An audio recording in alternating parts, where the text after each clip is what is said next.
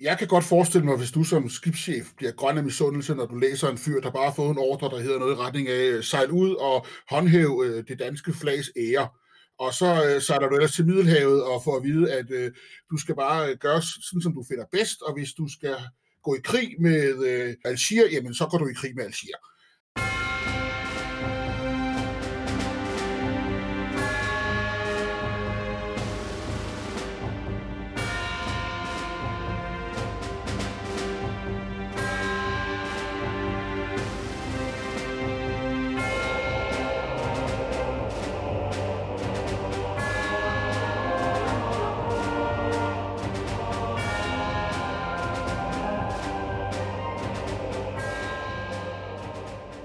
Hej igen, og velkommen til Krigskunst Podcast. Podcasten, hvor vi har interviews og samtaler med spændende personer om militære emner og sikkerhedspolitik. Mit navn er Kasper Vester, jeg er journalist, og jeg producerer podcasten sammen med min medvært Anders Puk Nielsen. I dagens afsnit, der har vi besøg af flådehistoriker Søren Nørby. Men øh, vanen tro skal jeg lige inden vi går i gang huske at sige, at vi alle, som medvirker i afsnittet, kun giver udtryk for vores egne meninger og altså ikke repræsenterer vores respektive arbejdsgiver i det her format. Med det ud af verden, så vil jeg give øh, stafetten videre til dig, Anders. Ja, tak for det, Kasper. I dag der skal vi tale om søværnets historie. Det er sådan, at enhver profession har et behov for at kende sine rødder og have en del historie imellem øh, de mennesker, der nogle gange arbejder inden for professionen. Og det gælder også inden for forsvaret. Nu har flådehistoriker Søren Nørby så netop udgivet en ny bog med udvalgte beretninger om flådens historie fra slutningen af 1700-tallet og frem til 2011. Bogen hedder Hverken ubesindig eller frygtsom, og det er en titel, som vil ringe sødt i ørerne hos mange søofficerer. Det er nemlig søhelten Niels Jules motto. Og det kan meget vel også øh, være den eneste sætning, som enhver søofficer vil være i stand til at udtrykke på latin, nemlig nægte mere, nægte mide. Til at fortælle om bogen har vi besøg af Søren Nørby. Øh, det bliver både en samtale om bogen, men også om, øh, om flådens historie. Søren Nørby er marinehistoriker og lektor ved Forsvarsakademiet, og desuden så er han Søværnets historiske konsulent. I 2018 færdiggjorde Søren Nørby sin Ph.D., og der skrev han helt atypisk om flyvevåbnet, men siden er han så til glæde for mange sømænd vendt tilbage til rødderne, og han har udgivet denne bog om flådens historie. Søren Nørby, velkommen til. Tak. Øh, så det, det må være et kæmpe, et kæmpe arbejde at skrive sådan en bog som den her, øh, der er fuld af, af øjenvidende beretninger og beskrivelser fra samtiden om de øh, hændelser, som, øh, som du kommer ind på. Øh, kan du fortælle noget om, hvordan laver man egentlig research til, øh, til sådan en bog? Man øh, bruger rigtig mange timer på biblioteket og på Rigsarkivet, og øh, sidder og kigger på øh, gamle, snørklede, håndskrevne breve og beretninger fra dengang Ruder Kong var knægt. Og så øh, finder man, når man har læst de her mange hundrede sider, så har man fundet de der 7-8 citater, man nu øh, synes at være så øh, fede eller interessante, at man gerne vil have dem med i sin bog. Så hvor, hvor lang tid tager det at lave sådan en... Øh, altså, din bog er bygget op omkring 11 historier, øh, som, øh, som, som du så har udvalgt og, og er gået i dybden med, og hver af dem er beskrevet på måske øh, 30-40 sider, men, men meget af det er jo illustrationer, ikke? Så, så øh, hvor lang tid tager det at, øh, at, at, at finde det, det, der nu skal til for at, at lave sådan en beskrivelse af en historie? Noget af det har jeg jo arbejdet med tidligere. Altså for eksempel, der er et kapitel om ubåden Dykkerens øh, forlis i 1916, og det var jeg jo kort inde på i min bog om tilbage fra 2004. Og det samme er der også et kapitel om Niels Jules øh, kamp i Isefjorden øh, i 1943, og det har jeg arbejdet med i både 2003 og 2018. Så der er jo noget, øh, øh, øh, det er, hvad er det man plejer at sige, øh, ny vin på gamle flasker, eller også omvendt. Øh, så der er ikke så mange timer der, men, men ellers i de andre, der, der tager det jo altså skille øh, ugers hårdt arbejde, øh, og jeg har jo så til med skrevet den i min fritid, øh, mens konen ser, ser diverse tåbelige serier på Netflix, så sidder jeg og hamrer i tastaturet inde ved siden af. Øh, det er en meget god øh, fordeling, vi har der. Øh, hvad hedder det nu? Øh, så øh, det, ja, det, det, det, det tager den tid, det tager, og så på et eller andet tidspunkt, så mener man, at man har fået dækket historien ordentligt af. Og der er jo altid, det er noget af det vigtigste, jeg har lært som forfatter, der er altid 10 bøger til, man kunne have læst om det her. Men man bliver også nødt til på et eller andet tidspunkt at sige, at øh, nu, er, nu er historien øh, færdig eller god nok og øh, klar til at blive trygt. Og så er det godt, at der kommer nogen bagefter og siger, hvorfor har du ikke læst det her værk fra 1772? Så må man bare sige, jamen det har jeg ikke, øh, det var der ikke tid til. Hvordan ved man så, altså at nu er den færdig, hvordan, øh, nu er du endt på 11 beretninger her. Altså hvordan, hvilke kriterier har du valgt ud fra, og hvordan er du ligesom blevet enig med dig selv om, at nu, nu var den der? Jamen, øh, Jakob Serup og mig, vi udgav tilbage i 2017 en øh, bog om Søværnets mærkedag, hvor vi øh, tog alle de begivenheder, der vi synes, der var værd at nævne igennem flådens 500-årige historie. Og øh, der var altså mange gange i forbindelse med, at vi sad og skrev den bog, at vi ligesom sagde, ej, det her det er altså en brandgod historie, den burde vi kigge noget nærmere på. Og øh, det var der ikke rigtig tid til, men øh, så øh, lavede vi en lille liste, øh, og det er sådan set i bund og grund den, jeg har taget udgangspunkt i, øh, og valgt de, det, som jeg synes er de 11 fedeste historier, eller mest interessante historier, eller de historier, som måske fortæller mest om flådens virke øh, fra øh, hvad hedder det nu, ja, flådens 500 år historie. Men samtidig har jeg også valgt ikke at se på de historier, som alle kender. Altså, der er ikke slaget i Køge Bugt med i 1677. Der er ikke nogen af Tordenskjolds slag med. For jeg har også ville tage noget af det, som, som ikke er almindeligt kendt, øh, for netop at, at søværnets historie er andet end Køge Bugt 1677. Det er andet end, end Tordenskjold. Øh, og, og det har jeg ligesom ville øh, beskrive, og så har jeg det selvfølgelig også ligget i baghovedet, at det skulle være nogle dramatiske historier. Øh, jeg skulle gerne vælge Ramachan, og så skulle de også dække helst perioden. Jeg ville egentlig gerne have startet øh, tidligere end det, jeg nu har gjort i 1700-tallet, men der skulle også være nogle beretninger. Altså, der skulle ligesom være et fundament, så jeg ikke skulle stå og tage alt for mange øh, digteriske friheder, eller gætte, eller lignende. Øhm, der er jo altid skibscheferne har skrevet deres rapporter, de er ofte gemt, men det, som jeg jo synes, der er mindst lige så spændende, det er jo at høre, dem, der ikke var chefer, altså de almindelige besætningsmedlemmer eller øjenvidner eller lignende, og høre, hvad de, op, hvordan de oplevede det. Fordi der er nogle gange lidt forskel på, øh, hvordan tingene blev oplevet fra henholdsvis broen eller maskinrummet. Og det er der også i dag, øh, skulle jeg hilse at sige. det er ikke... Det er jeg sikker på. Som, som tidligere sømand selv, men nede på gulvet kan jeg godt afsløre, at det ikke har ændret sig sådan. Nu har jeg gudskelov ikke været involveret i nogen øh, kamphandlinger sådan rigtigt, men men det, det gør så vist stadigvæk gældende. Altså jeg husker jo engang en, øh, en admiral, som fortalte en historie, hvor han sagde, at jeg sejlede ud fra Holmen i min torpedobåd, men vi gik på grund. Ja. men det er så, ja, det kan så være en god, øh, en god overgang til, øh, til, det, til noget, jeg vil spørge om her, nemlig øh, bogen hedder hverken ubesindig eller frygtsom, som jo er af Niels Jules øh, øh, motto. Nu nævnte du før her Niels Jules slag i Køge, eller i, uh, i Isefjorden, det, det var med. Men det, det var altså så slaget Niels Juhl, fordi selve Niels Juhl er ikke med.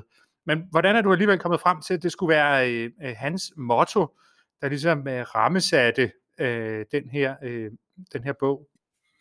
Jamen, jeg har jo den store glæde at undervise blomsten af Danmarks Ungdom, de kommende kadetter på Søvands Officerskole i netop søkrig. Og øh, der har vi altså mange interessante diskussioner med de her kadetter om, øh, nutidens krav til at være søofficer, og så fortidens krav. Og der er altså sket rigtig meget på 500 år inden for det område. Og så har jeg ligesom i bogen taget udgangspunkt i de tre øh, roller, som man taler om, at en dansk søofficer han skal have i dag. Altså han skal være leder, han skal være diplomat, og så skal han være kriger. Og der er jo bogens sådan underliggende tema, at i 1700-tallet, der var det vigtigste, det var at være kriger, og så måske som nummer to diplomat, og så til sidst at være leder. Hvorimod i dag er der altså, mit klare indtryk, at der er meget mere fokus på lederrollen, og øh, ikke så meget på krigerrollen. Det er, jeg, jeg spørger jo hvert år, jeg starter min undervisning, så spørger jeg, hvor mange af mine kadetter, som regner med øh, at komme i egentlig kamp i løbet af de 40-50 år, de forhåbentlig har foran sig i søværnet. Og det er altså meget, meget få, der gør det i dag. Men hvis du havde spurgt en kadet på Søværnsofficerskolen i 1750 eller 1780, så havde vedkommende haft en klar forventning om, at det der med at skulle ud og skyde kanoner af mod et fjendtligt skib, det var altså noget, han ville komme til at opleve i sin tid. Hvordan, øh, altså, hvordan synes du, det sådan for lige at vende tilbage til, til, til det her med mottoet, hvordan synes du, at, at det lykkedes øh, danske søofficerer sådan at leve op til det gennem tiden? Altså måske, hvis vi skal blive ved den her øh, historiske sammenligning øh, nutidens officerer og, og fortidens officerer, øh, hverken ubesindig eller frygtsom, er det, er, det, er det kendetegnende for danske officerer, hvis man sådan ser historisk på det? Altså, jeg, jeg, jeg, jeg synes jo, og det kan jo godt være, at jeg ikke er helt objektiv, men jeg synes jo, at der har været nogle situationer, hvor det lykkedes danske surfacerer at gå imod dårlige odds, og alligevel få det bedste ud af situationen. Um, men, men, øh, men, men, men, men det har ændret sig meget, og der er også i bogen, kan du også se øh, nogle eksempler på, hvor, øh, hvor det ikke går, som, som, altså hvor der er de her surfacer, der ikke lever op til Nils Jules motto. Altså mit, det bedste eksempel, det er jo slaget ved Anhold i 1811, hvor at øh, hæren og flåden skal samarbejde om at generobre den her ø, som britterne har indtaget under Napoleonskrigene. Og det går jo fuldstændig galt, fordi at majoren og premierløjtnanten fra henholdsvis hæren og søværnet, de taler ikke sammen. De sætter tusind mand i land i to forskellige operationer, som skal forsøge at mødes, og det går jo ender med, at, at at 600 danskere bliver taget til fange, og flåden må stikke hælen mellem benene, og den major, som står for hærens angreb, han får skudt hovedet af, og sådan noget. Det går helt galt. Fordi de formåede ikke at kombinere hverken de tre roller, eller leve op til Tordenskjolds øh, motto. En af, de, en af de ting, jeg også lægger mærke til, øh, nu skal jeg måske lige sige til, til lyttere, som øh, ikke nødvendigvis ved det, jeg har anmeldt bogen for Olfi, og en af de ting, jeg jo i min anmeldelse gør mig en lille smule mundt over, det er, at øh, øh, det er ikke fordi, der sådan, i hvert fald ikke i, i første halvdel af bogen, er voldsomt mange danske sejre. Altså, jeg kan ikke lade være med at tænke, er det, er det, er det mig, der er helt ved siden af, eller har, har øh, den danske flåde sådan generelt øh, fået lidt stryg gennem tiden? Jeg er tilbøjelig til at sige, der var et udfald på linjen, jeg kan ikke høre, hvad du siger, men øh, du har nok desværre ret. Vi har tabt en række øh, slag, vi har også vundet nogen, men jeg synes jo, det interessante, det er også gennem krigshistorien, det man lærer mest af, det er altså, at det er de tabte slag, hvis man sætter sig ned og analyserer på, hvorfor gik det galt. Og øh, jeg kunne også have skrevet en jubelbog om Tordenskjolds sejre og øh, Christian den 4. og den slags, men, men, men jeg har, igen, jeg har ville fokusere på de lidt mindre kendte, øh, og jeg, jeg ved ikke om, altså det er jo ikke sådan, at jeg har haft en, en bagtanke om, at der skulle være øh, så og så mange procent sejre, og så og så mange procent nederlag, og så nogle uafgjort inden midt imellem. Men, øh, men altså, der er jo, hvis vi tager for eksempel øh, hele mit kapitel omkring søværnets indsats over ved Vestindien i, i 1700- og 1800-tallet, der er der en række interessante og imponerende sejre. Øh, især historien der om, om Irminger, der for, formår at øh, skjule sit skib, øh, så at der kommer en pirat og tror, at nu skal han hurtigt erobre et, øh, et dansk fragtskib, og så viser det sig at kunne hjælpe med, at øh, Irminger han har skjult 32 soldater bag lønningen, som pludselig rejser sig op og, og åbner ild med deres geværer og vinder slags sagen, eller hvad hedder det, vinder en stor sejr. Så øh, ja, der er sejre, øh, der er også nederlag, øh, men øh, jeg skylder, jeg skylder selvfølgelig også at sige, at, at det var helt på min egen regning, den observation, og at øh, jeg også fik en lille smule, øh, en lille smule kritik i kommentarsporet under min anmeldelse, men, men det var øh, ikke desto mindre noget, jeg i hvert fald øh, lagde mærke til. Men jeg tænker øh, også, altså et eller andet sted, så er det jo rigtigt nok, og øh, jeg må sige, den der historie med Irminger var faktisk en af dem, som jeg virkelig, øh, virkelig satte pris på, og det var sådan en ren master and commander, ikke? fordi det, man kan godt se, hvor de har fået ideen til filmen fra, øh, når, man, når man læser den ja. historie der. Øh, men en observation, som jeg synes var lidt sjov, det er, at du starter sådan set med, altså de allerførste beretninger, de handler om pirateri. Og så kommer der videre undervejs, øh, altså det, det var nede i pirateri i Middelhavet, og så kommer der de her øh, med, med Vestindien, hvor det også er pirateri, og du slutter faktisk også på med pirateri. Og måske er det sådan historisk faktisk ja. også det, søværnet har vist sig allerbedst til at håndtere, fordi det er faktisk det, at det, det umiddelbart er gået øh, rigtig godt. Men der er man jo også meget ofte over for en, en underlegen modstander. Øh, men, men, men jeg ser det jo også som et tegn på, at historien om ikke går i ring øh, og ikke gentager sig, så er der altså i hvert fald noget, noget, noget man kan lære af fra fortiden. Altså, og, og, øhm, øh, jeg synes også, det var interessant, netop det her med, at, at jeg tilfældigvis startede med pirateri i Middelhavet, og så sluttede jeg med, øh, med pirateri ud for Afrikas horn. Det, det havde jeg egentlig ikke set komme, da jeg startede på at skrive det her, den her øh, serie historier. Øh, men, men jeg stussede også selv over det der med, at man altså ligesom vender tilbage til den oprindelige opgave.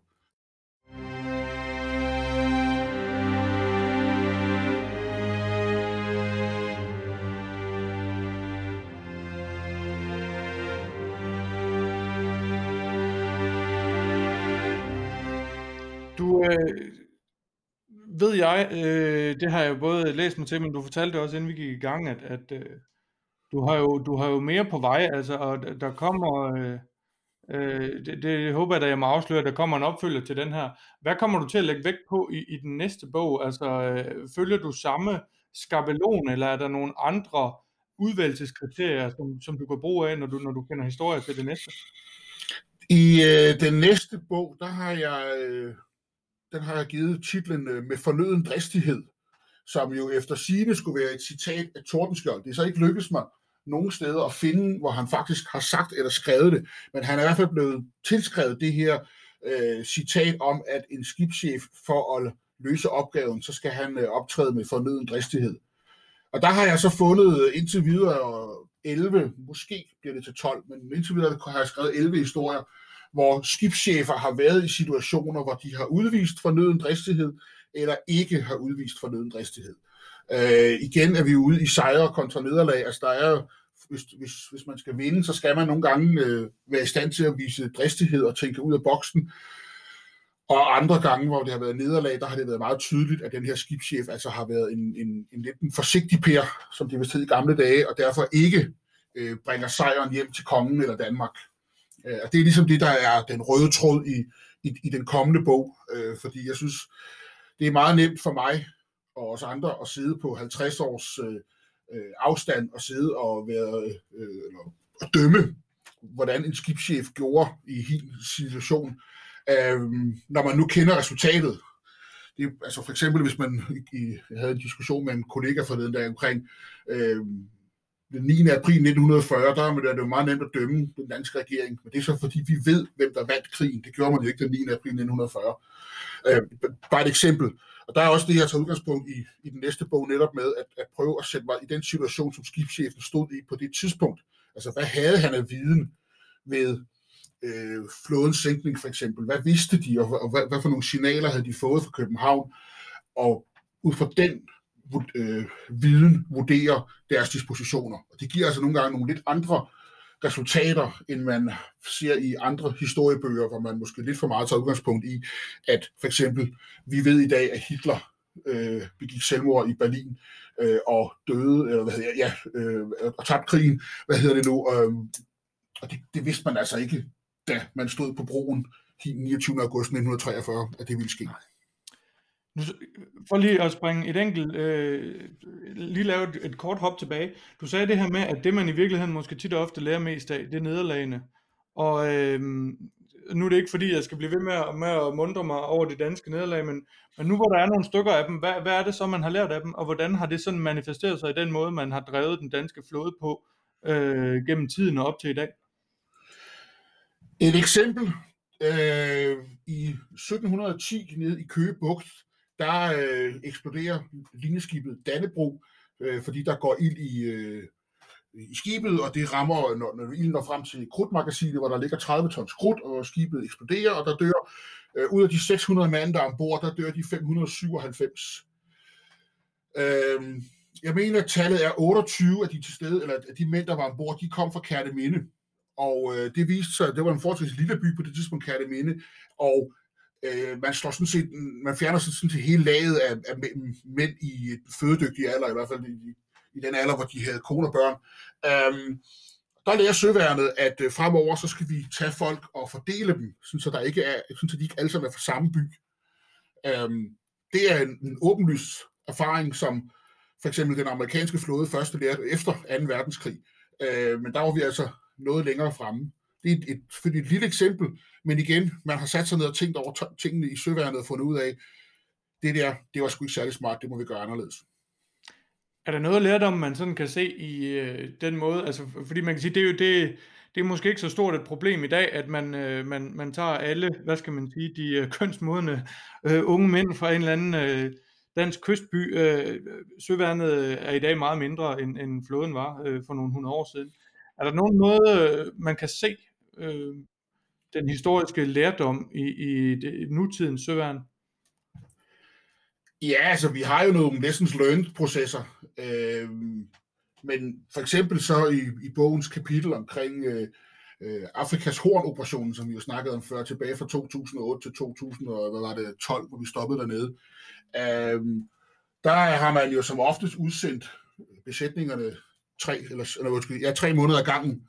Og der er jo altid den diskussion, er det, er det så en lang mission, vi kører i fire år, eller har man et antal tre måneders missioner, hvor der egentlig ikke er nogen sammenhæng mellem, at der kommer øh, eller sammenhæng i det bidrag, man har dernede, at der kom, hver gang der kommer en ny chef, skifter han så taktik, eller fortsætter han forgængerens.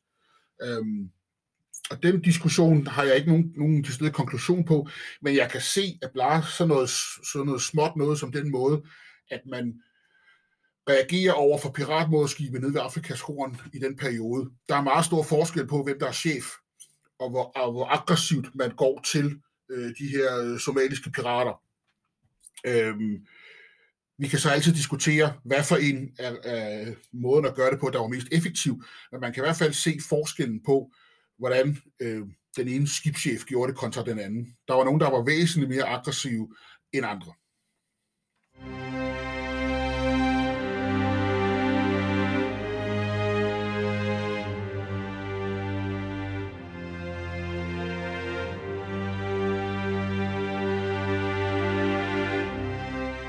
Jeg, jeg kunne også godt tænke mig lige at, at, at vende lidt tilbage til noget, vi har været inde på, nemlig det der med, hvordan øh, kravene til at være service her har ændret sig øh, fra dengang, hvor du, du starter din bog i slutningen af 1700-tallet og så frem til i dag. Altså en af de ting, jeg, jeg stussede over, det er, altså nogle gange inden for, øh, inden for militær ledelse, så taler man om det, der hedder mission command, som sådan går ud på, at man skal delegere øh, Øh, ansvar og kompetence ned i systemet, øh, og i stedet for at detaljstyre sine soldater og sine undergivende chefer, så giver man dem en opgave, og så må de ligesom finde ud af, hvordan de løser den. Og man kan godt få det indtryk, at det er sådan en meget øh, ny og moderne opfindelse, at man sådan tænker delegering af ansvar og, og alt sådan noget. Men når man læser din bog, så er det ret tydeligt, at det faktisk er det modsatte, der er tilfældet. Altså, nu længere tilbage i tiden man går, nu mere frihed og ansvar virker det til, at skibscheferne har haft. Og, øh, øh, og, og, og når man kommer helt tilbage i det ældste, jamen altså, så, så blev de jo ligesom sendt afsted bare med en eller anden ordre, og så, ja, så måtte de så ligesom tage afsted og så klare den derfra. Altså, hvordan fungerede sådan noget i praksis, og hvordan, øh, hvordan sikrede man sig, at de her officerer, de var klædt på til at håndtere den her opgave, fordi der fandtes vel ikke noget sådan egentlig formelt, formelt uddannelsessystem, eller, eller sådan noget, hvor de lærte om statskundskaber og alt muligt. Så hvordan, hvordan fungerede det i praksis, det der? Jamen altså, øh, øh, jeg kan godt forestille mig, hvis du som skibschef bliver grøn af misundelse, når du læser en fyr, der bare har fået en ordre, der hedder noget i retning af øh, sejl ud og håndhæve øh, det danske flags ære. Og så øh, sejler du ellers til Middelhavet og får at vide, at øh, du skal bare gøre sådan, som du finder bedst, og hvis du skal gå i krig med... Øh, øh, hvad hedder det nu, Algier, jamen så går du i krig med Algier. Um, øhm, men, men forskellen på i dag og dengang, det er jo, at man gjorde det jo af nød tilbage i 1700-tallet, hvorimod i dag gør man det jo mere, fordi man, man mener, det, det giver en, en, en idé, eller hvad hedder det, en fordel. Um, det, er jo, det er jo først ved opfindelsen af telegrafen i midten af 1800-tallet, at man begynder fra København at kunne holde styr på, hvor ens skibe er og hvad de laver. Fordi ellers så tog det jo nogle gange tre måneder for et brev at komme fra øh, øh, Gibraltar og til København. Øh, hvad hedder det nu? Og, øh, og det nødvendiggjorde bare, at de her skibschefer, de havde nogle meget klare regler, eller hvad hedder det, ordre, men også havde mulighed for at øh, øh, være fleksible. Altså for fanden, et, et, et krig kunne være startet eller sluttet på den tid, det tog at sejle fra København til Dansk Vestindien. Øh, og nogle gange så blev man bare nødt, så stod man lige pludselig på Dansk Vestindien og nå, vi er kommet i krig med England. Hvad gør vi nu? Og der er det jo så, jeg som, som underviser i søkrigshistorie, er så glad ved at kunne se, at de kigger på historien og siger, hvad virkede i sidste krig? Øh, det er jo det, vi i dag vil kalde best practice, og så gør man sådan set det samme øh, i, i, i den næste, fordi det virkede for 20 år siden, og der er ikke sket så meget teknologisk eller andet, så vi, kan, vi, vi bruger stort set samme skibe og, og våbensystemer, så lad os prøve det en gang til. Altså klasseeksemplet i bogen er jo den her søofficer, som under et, et lille slag over i Vestindien løber tør for krudt, og så gør han, som Tordenskjold gjorde i 1716. Han sejler over til fjenden og siger, jeg er løbet tør for krudt, kan jeg ikke låne noget af dig, så vi kan slås videre? Øhm, det virkede for Tordenskjold i 1716. I 1899, der siger den britiske skibschef sådan, ej, det, det vil jeg alligevel ikke gå med til, så noget har jo ændret sig. Men man kan alligevel se, at han lader sig inspirere af Tordenskjold, som jo er det store, øh, den største søhelt, vi har, vi, vi har øh, og, og, og forsøge at, at genskabe den situation. Hvordan, men, men, hvordan sikrer man sig, at de her skibschefer og officerer, de havde kompetencerne til at bære det her ansvar? Altså, var der et formaliseret uddannelsessystem, eller var det mest af alt learning by doing, og det man i dag vil kalde sidemandsoplæring? Altså, Søværnsofficerskole blev jo grundlagt i 1701, og der blev formaliserer man jo uddannelsen øh, af søværnets kadetter, og man lærer dem jo ikke kun at sejle et skib, man lærer dem jo altså også alt det her med, at de skulle kunne danse en vals, og de skulle kunne tale engelsk, og de skulle kunne spise pænt, når de var til tafel hos øh, den lokale guvernør, og man har også lært dem en hel masse om, hvordan er Danmarks position, og hvad kan I gøre, og hvad kan I ikke gøre, og hvordan skal I øh, opføre jer, når I møder et øh, fransk skib til søs, og man skal salutere, og alle de her ting har de jo lært på skolen. Så de er jo ikke gået ud fuldstændig øh, uden forudsætninger, og har bare selv måtte finde ud af, at de har simpelthen haft en ganske, ganske udmærket skolegang, øh, og har så også lært af deres chefer, øh, når de var næstkommanderende, eller var det tredje kommanderende, eller femte kommanderende, og så på den måde er der jo sket en, en ja, du kalder det sidemandsoplæring, men det er jo en slags mesterlærer, de har stået i, når de egentlig var kommet til søs. Og det kunne jo tage mange år, før de fik deres egen kommando. Det kunne godt ja, ja, hvordan foregik det sådan i, i praksis, når de var til søs? Noget, jeg bider mærke i, det er, at mange af de her officerer, de er helt enormt unge i forhold til, øh, altså selvfølgelig har vi officerer i starten af, af 20'erne i dag, men, men nogle af dem, de er jo altså teenager endnu nærmest, ikke? Øhm, hvordan kan det være, at man havde mulighed for at, at, øh, at få det her ansvar i så tidlig en alder øh, på det her tidspunkt i historien? Altså, øh, der hjalp det jo, hvem der var ens forældre. Altså var man øh, uægte søn af kongen, jamen, så kunne man altså godt blive admiral før ret mange andre af sine jævnaldrende. Øh, og havde man den, den, den, rette, den rette stamtavle, jamen, så gik det noget nemmere med at komme til tops. Men igen, man, øh, man har også fra dansk side, øh, det er ikke de rene idioter, man har sendt afsted på de her missioner. Det, selvom de måske, øh, så en som, som, som Gyldenløv, som altså var kongens uægte søn, og som ret tidligt fik øh, en, en, en rang, han tror, det er den yngste kommandør i søværnshistorien. han var snart kun 18 år, da han blev det, øh, så havde han altså stadigvæk evnerne til også at begå sig. For han havde også været på en dannelsesrejse i Europa og havde besøgt andre flåder og havde lært, hvordan man begik sig både over for øh, diplomatiet og i krig. Så det var ikke, det var ikke helt øh, håbløst. Men du har ret, de var unge, men det var de jo også dengang, vi havde motortorpedobåde i Danmark i 40'erne og 50'erne og 60'erne. Der var man jo også skibschef som 21-22-årig.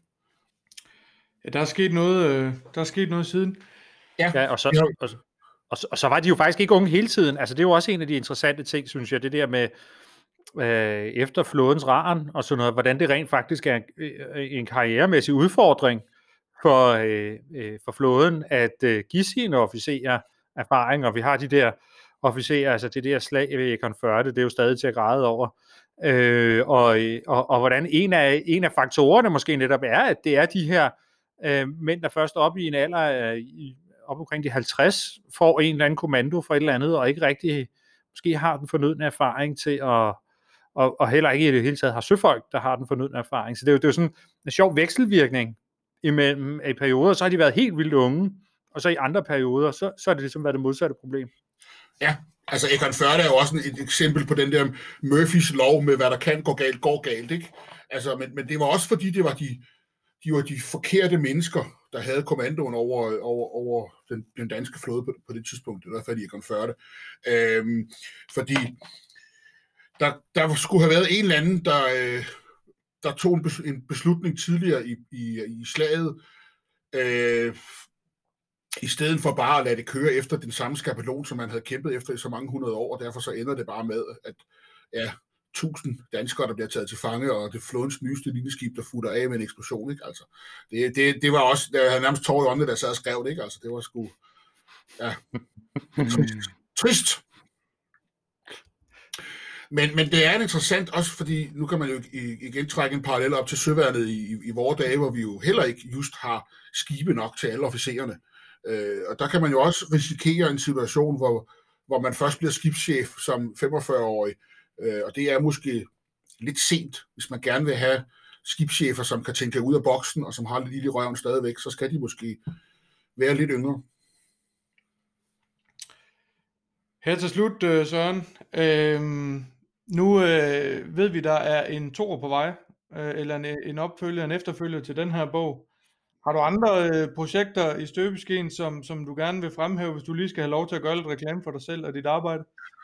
Hvor, hvor lang tid har du? Ej, jeg vil, Ej, jeg vil sige... Jeg tænker, du gerne må holde det på... Øh, måske altså, jeg har jo øh, jeg har altid øh, mange bolde i luften, og øh, nogle af dem øh, bliver til noget, og nogle af dem bliver ikke til noget.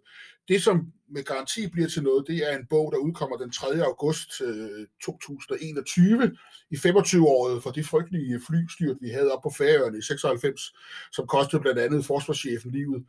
Der skriver vi en bog, i, øh, som vi det er både en almindelig biografi over Admiral Garde, som omkom derop sammen med, med otte andre. Så er det en øh, bog om selve styrtet. Hvad sker der i de minutter, hvor flyet falder ned, og i de timer efterfølgende, hvor man skal stable en redningsaktion på, øh, øh, på benene i et forholdsvis ufrakommeligt område. Og så har vi en, øh, et kapitel 3 i bogen, der handler om, hvordan forsvaret reagerede på lang sigt over, at forsvarschefen blev øh, fjernet efter kun 124 dage på posten. Det er mm. et, et meget, meget spændende projekt. Vi har været på færgerne her for et par måneder siden og var ude at se stedet, hvor flyet faldt ned og talte med politiet og alle mulige, der havde været med ude og, og lave øh, havaribekæmpelsen og lignende derude. Det var altså øh, meget øh, ja, øh, mm. vildt at stå derude. Så og det er et af de projekter, jeg ser frem til.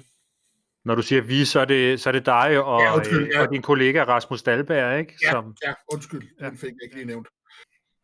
Så det er sådan set, øh, så har jeg nogle andre små projekter, men, men det er sådan de store, der... Øh, en, en, en opfølger til den her bog her med, øh, med beretninger fra flådens historie, og så en, en gennemgang af flystyrtet i, i 96 på, på Færøerne. Det, er, det synes jeg også er noget at se frem til i hvert fald. Øhm, jeg tror, det var, det var alt, hvad vi nåede i, i den her udsendelse. Søren Nørby, tusind tak, fordi du, du ville være med. Skulle det være en anden gang? Det kunne det meget godt uh, gå hen og blive. Vi lægger et link til øh, bogen i shownoterne. Hvis du ikke allerede abonnerer på Krigskunst podcast, så kan du gøre det ved at gå over på krigskunst.dk, og så kan du finde det link, som passer til den, foretr- den podcast afspiller, som, som du foretrækker. Vi udkommer cirka en gang om måneden, og hver gang er det med en ny samtale om et aktuelt militært emne på genhør.